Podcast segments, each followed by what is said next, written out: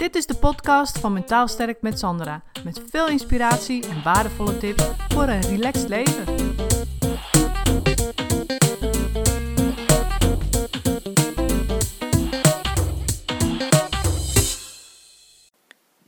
In deze aflevering wil ik het hebben over het maken van keuzes. Want ehm, we zijn nu bezig met het kiezen van een middelbare school voor mijn zoontje. En dat deed me denken zelf aan mijn eigen schooltijd en de keuzes die ik uh, daarna heb gemaakt.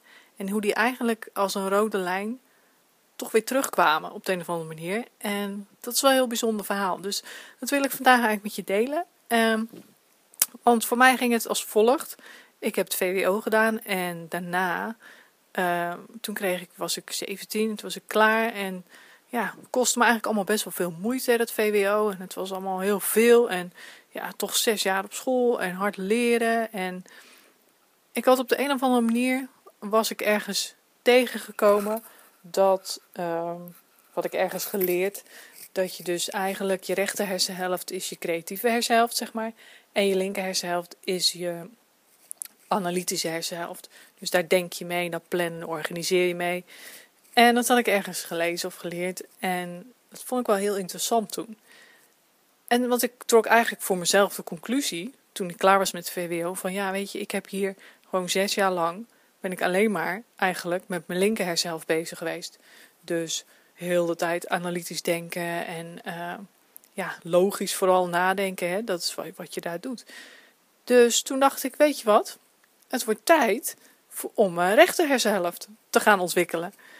En ik weet nog dat ik die, die keuze heel bewust maakte. Want ik, ik was het ook echt zat. Al dat leren. En ik zag het ook echt niet zitten om dan weer naar een universiteit te gaan. En ik had ontzettend veel moeite met wiskunde. En dan moest ik me daar dus weer, nou, minstens vier jaar lang met wiskunde bezig gaan houden. En daar had ik echt helemaal geen trek in. Dus toen dacht ik, weet je wat? Ik ga uh, met mijn rechter hersenhelft aan de slag. En omdat ik het ook zo beu was, dat leren, toen heb ik eigenlijk ook gezegd, ik ga gewoon een jaar ook uh, nog, nog helemaal niks kiezen. Ik ga een jaar vrij nemen, want ik was inmiddels dan niet meer leerplichtig. Dus ja, in principe kun je dan uh, doen wat je wil. En uh, ik, ik heb toen gezegd, ik ga een jaar gewoon eerst eens doen, dingen doen die ik leuk vind. Dus ik ben toen bijvoorbeeld gaan model tekenen. Ik ben een fotografiecursus gaan doen. Ik werkte toen ik had vakantiewerk in een psychiatrisch ziekenhuis.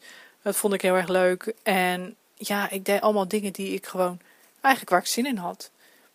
En gewoon puur omdat ik zoiets had van, ja, er is meer in het leven dan alleen maar uh, analytisch, logisch bezig zijn. ik was zelf eh, als kind heel creatief. Ik tekende graag ik was altijd met muziek bezig. En ja, dat miste ik ook wel een beetje. Dus toen dacht ik, nou, dus dat, dat ben ik gaan doen. En uiteindelijk leidde dat ook tot een keuze van een school waar ik ook weer creatieve dingen kon doen. Dus ik koos voor een HBO, HBO-welzijnswerk.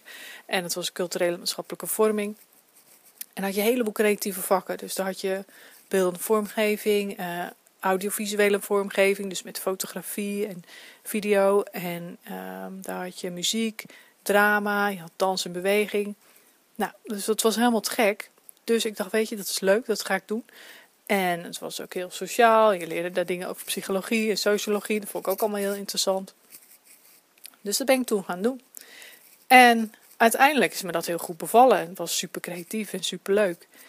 En het laatste jaar moest je natuurlijk een scriptie schrijven. En mijn keuze voor mijn scriptie ging toen eigenlijk ook weer over de keuze die ik ja, zelf eigenlijk ook had gemaakt. Namelijk, uh, hoe kun je eigenlijk een beetje creatief blijven voor jezelf? Dus hoe houd je dat creatieve in jezelf in stand? Dat vond ik een heel interessant thema. En toen besloot ik eigenlijk van, ik ga dat richten op ouderen. Want ja, weet je, waren toen ook, dat is ongeveer nu twintig jaar geleden, waren er echt nog bejaardentehuizen ja, waar mensen gewoon naartoe gingen. Er was, waren niet heel veel alternatieven. Hij had misschien al wel aanleunwoningen. Maar uh, ja, een bejaardentehuis was een bejaardentehuis. En ik vond het op de een of andere manier heel erg fascinerend. Dat je dan naar zo'n bejaardentehuis ging. Maar ik vond het ook fascinerend in een soort van trieste zin. Omdat, ja, weet je, je zit dan ineens in een bejaardentehuis. En misschien was je wel een heel creatief iemand. En uh, hield je van bezig zijn, tuinieren of beeldhouden of uh, ja, knutselen, timmeren, uh, weet ik veel wat. maakt niet uit wat. Maar dat was dan vaak daar. Maar werd dat dan ja, beperkt tot de activiteiten die je dan in zo'n bejaardentehuis had. He, je kon daar natuurlijk bingoen en je kon daar... ja, wat ik kan het nog geen eens verzinnen. Ik kan alleen de bingo verzinnen en ja, de kaartclub en, en nog wat van dat soort dingen. Maar echt creatief bezig zijn, ja, daar ging ik dus naar op zoek in die bejaardentehuis. En ben toen voor mijn scriptie, dus voor mijn onderzoek, ben ik toen naar, een aantal bejaardentehuizen gegaan. En ja, wat ik natuurlijk al verwachtte, dat wat ik daar zag, was natuurlijk wat ik ook inderdaad verwachtte. Het was gewoon allemaal ja, van die standaard activiteiten waar je dan aan mee kon doen. Dus ja, kijk, ik heb niks met de bingo. Maar stel dat ik nu straks in het bejaardentehuis zit, ik moet de hele dag bingoen. Nou, dan zou ik natuurlijk gek worden. Hè? Dus ongetwijfeld dat er toen ook al mensen waren die niks met bingo hadden. Maar ja, daar alleen maar de keuze hadden in de bingo. Of misschien met de Bridge Club of eh, de andere kaartclub. En als je dan niks met kaarten hebt, ja, dan zit je daar. Want ja, veel, is, veel meer is er niet. Hè, er is nauwelijks een tuin of eh, ja, misschien een beetje een terras. En je moet het echt hebben van de activiteiten in zo'n bejaardentehuis. En ik vond het eigenlijk gewoon heel triest. En toen heb ik eigenlijk mijn scriptie geschreven en heb ik gepleit, zeg maar in mijn scriptie, om binnen bejaardentehuizen uh, bij mensen dus op zoek te gaan naar hun muzische mens. En dan denk je, ja, dat is een, rare term, maar in principe bedoel ik daar gewoon mee de creatieve mens in jezelf. En dus eigenlijk het kind in jezelf. Ja, uh, in stand houden, zeg maar. En daar ook manieren voor vinden om daar het uiting aan te kunnen geven. Want dat was er dus niet. als je een heel creatief persoon was geweest en je zat in een bejaardenhuis, dan kon je meedoen aan de bingo en dat was het dan. Dus ik vond dat een heel interessant thema en ik pleitte daarvoor zo van, ga eens wat meer kijken naar de mens zelf en wat voor een persoon die geweest is en waar die uh, behoefte aan heeft op basis van wat hij altijd graag heeft gedaan of leuk heeft gevonden, waar hij echt passie voor had of waar hij of zij ja, met heel veel plezier altijd uh, mee bezig was. Want er werd eigenlijk daar compleet volledig aan voorbij gegaan. Kijk, mijn oma die ging van, op een gegeven moment van een aanleunwoning ook naar een bejaardentehuis.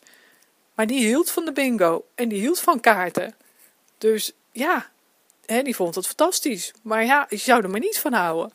Dan heb je toch echt een probleem. Dus, um, dus ik pleit daarvoor van, goh, ga eens kijken van wat, wat, wat, wat hè, wie is de mens eigenlijk achter uh, degene die hier ja, uh, in het bejaardentehuis binnenkomt. En ja, dat, dat was eigenlijk ook een beetje mijn eigen thema, wat ik toen een paar jaar eerder voordat ik die studie begon ook had ervaren van goh, hè, wat, wat is eigenlijk, wat vind ik leuk om te doen en, en wat deed ik als kind graag en wat wil ik nu doen, wat wil ik nog meer leren en daar ben ik toen mee aan de slag gegaan. Dus toen kwam dat eigenlijk voor de tweede keer weer terug, dat verhaal van die creatieve mens. En uh, het is op zich wel frappant ook dat later in, in de zorg, in de ouderenzorg, dat ze toen ook dat zeker zijn gaan veranderen. En ook zijn gaan kijken naar van, uh, ja, wie is de mens en waar is behoefte aan. En men ging natuurlijk ook kleinschaliger wonen, zodat je veel meer in een woonomgeving komt. Waar je ook veel meer gewoon de huiselijke activiteiten kan doen die je leuk vond. Of hè, mee kan helpen in het huishouden. Ja, daar, daar kwamen veel meer mogelijkheden met vrijwilligers die dan ergens een beetje naartoe gingen. als je het leuk vond om, om, om dit of hier of daar naartoe te gaan, dat het dan mogelijk was. Weet je, dat je naar een winkelcentrum ging en een kopje koffie ging drinken. Ja, dus dat was. Uiteindelijk werd het allemaal natuurlijk ook wel. Uh, ja, zoals ik het toen een beetje voor pleitte. Van, er werd wel meer naar de mens zelf gekeken. En naar wat ze leuk vonden en wat ze graag wilden. En dan werd beter bij die behoefte aangesloten. Maar dan heb ik het over bejaardentehuis en daar zitten we hopelijk nog lang niet. Maar uh, de keuze is, eh, die, die kwam dus voor mij weer terug in die scriptie. En nu ik eigenlijk dit online bedrijf ben begonnen, kwam die keuze eigenlijk opnieuw voorbij. Want ik heb eigenlijk jarenlang ook natuurlijk best wel, uh, als psycholoog ook, doe je ook best wel heel analytisch werk. En je bent natuurlijk ook wel heel erg met je gevoel bezig en met het intunen op mensen. En hè, dat is ook het mooie van het werk. Het is niet alleen maar heel wetenschappelijk en onderzoek doen. Of uh, het is ook echt gewoon met mensen bezig zijn en vanuit je gevoel werken. Maar ik miste ook weer dat stukje creatieve dat ik gewoon voelde van hé, hey, ik kom creatief gezien, zeg maar, niet genoeg tot mijn recht. En eigenlijk weer die keuze gemaakt die ik toen, ja, zo lang geleden, twintig jaar geleden, na het VWO ook heb gemaakt. Van hé, hey, wat kan ik nu anders doen, waardoor ik me meer bezig kan houden met creatieve dingen die ik leuk vind. zoals schrijven en tekenen en, ehm, en muziek maken, piano spelen, video, foto, al dat soort dingen. Um, en toen ben ik daar heel bewust dus ook weer keuzes in gaan maken. En dat heeft dus geresulteerd in dit online bedrijf. Want hier kan ik dus mijn creativiteit in kwijt. Ik kan hier foto's maken, video's, ik maak uh, tekeningen en ik kan hier schrijven. Dus dat is precies eigenlijk alles wat ik leuk vind. Dat, dat, dat kan ik hierin kwijt. Dus eigenlijk wil ik ook aan jou vragen van, goh, weet je, uh, probeer ook eens bij jezelf na te gaan. Bijvoorbeeld voor wat deed je vroeger als kind graag. En doe je dat, doe je dat nog steeds? Als je vroeger als kind het heel leuk vond om iets creatiefs te doen. Dan ben ik benieuwd, doe je dat nog steeds? En zo niet, misschien is dat goed om bij jezelf eens na te gaan. Van wat deed je als kind het liefst? En dan kun je zeggen, ja, ja, ik zat de hele dag te tekenen. Maar ja, ik kan nou toch niet de hele dag gaan zitten tekenen? Nee, dat kan ik ook niet. Maar je kunt wel kijken van, goh, wanneer kan ik dat dan wel gaan doen. Al is het maar, nou, 10 minuten op een dag. Kijk, de filmpjes die ik maak, mijn tekenvideo's, die zijn ook niet langer dan 10 minuten. Dus ik ben ook nog steeds niet de hele dag aan het tekenen. Maar het houdt me wel creatief bezig. Snap je? Dus dat is wat ik ermee bedoel. En uh, dat is een hele interessante vraag.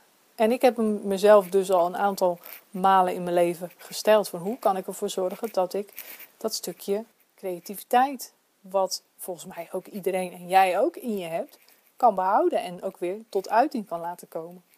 Ik denk dat dat heel belangrijk is.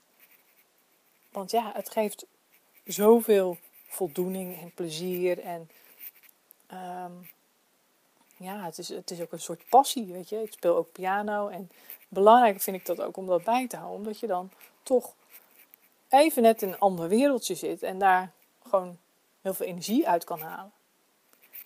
En daar doe ik dan niks mee in mijn online bedrijf, maar dat doe ik gewoon zelf.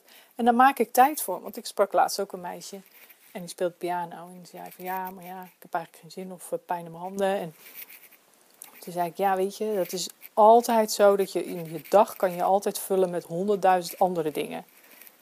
Als je een dag gewoon zo laat lopen zoals die loopt, dan is die zo gevuld met ja, van alles en nog wat. Maar de dingen die belangrijk zijn en waar, waar je echt energie van krijgt, die je leuk vindt om te doen, daarvan is het zo belangrijk dat je die gewoon plant. En dat je zegt, oké, die, die dag ben ik vrij. En dan maak ik uh, tien uh, minuten, kwartier, half uur of een uur de tijd om piano te spelen of om iets anders creatiefs te doen. Want ja, als je dat niet doet, dan ben je voor je het weet een uur aan het stofzuigen of doe je nog even de was of uh, ben je nog iets aan het opruimen. En dat is zonde, weet je. Dus ik ben heel benieuwd naar jouw antwoord en hoe jij dit ervaart over je eigen creativiteit. Wat doe je ermee? En zorg je dat daar ruimte voor is voor jezelf? Maak je daar ruimte voor, voor jezelf? Daar ben ik heel benieuwd naar. En maak je daar ook bewust keuzes in? Want het is en valt, alles valt of staat ook met het maken van keuzes. En voor mij is dat de keuze om elke keer weer op zoek te gaan naar mijn creatieve zelf en ervoor te zorgen dat ik dat, ik dat tot uiting kan brengen en dat ik daarmee aan de slag kan. Dus ik hoop dat ik je hiermee ook heb geïnspireerd om daar in ieder geval eens over na te denken en daar natuurlijk iets mee te gaan doen. Dus laat het me even weten, ik ben heel benieuwd. En dan uh, spreken we elkaar weer bij de volgende aflevering. Tot dan, doei doei! Bedankt voor het luisteren. Het is mijn intentie om met deze podcast waardevolle inzichten te delen die je kunt gebruiken voor je eigen leven en die je helpen groeien in je persoonlijke ontwikkeling. Wil je voortaan alle verhalen bij elkaar hebben staan? Abonneer je dan even op Mentaal Sterk met Sandra op iTunes of Stitcher. En ben je enthousiast over mijn verhaal? Dan zou ik het superleuk vinden als je een review achterlaat. Dat kun je doen in iTunes of Stitcher en geef je bij beoordelingen en recensies een korte review. En ben je echt enthousiast? Geef dan 5 sterren. Dat zorgt ervoor dat ik hoger in de ranking kom te staan en nog meer vrouwen kan inspireren tot een relaxter leven. Dank is groot als je dat even voor me wilt doen. Tot de volgende keer bij een nieuwe uitzending.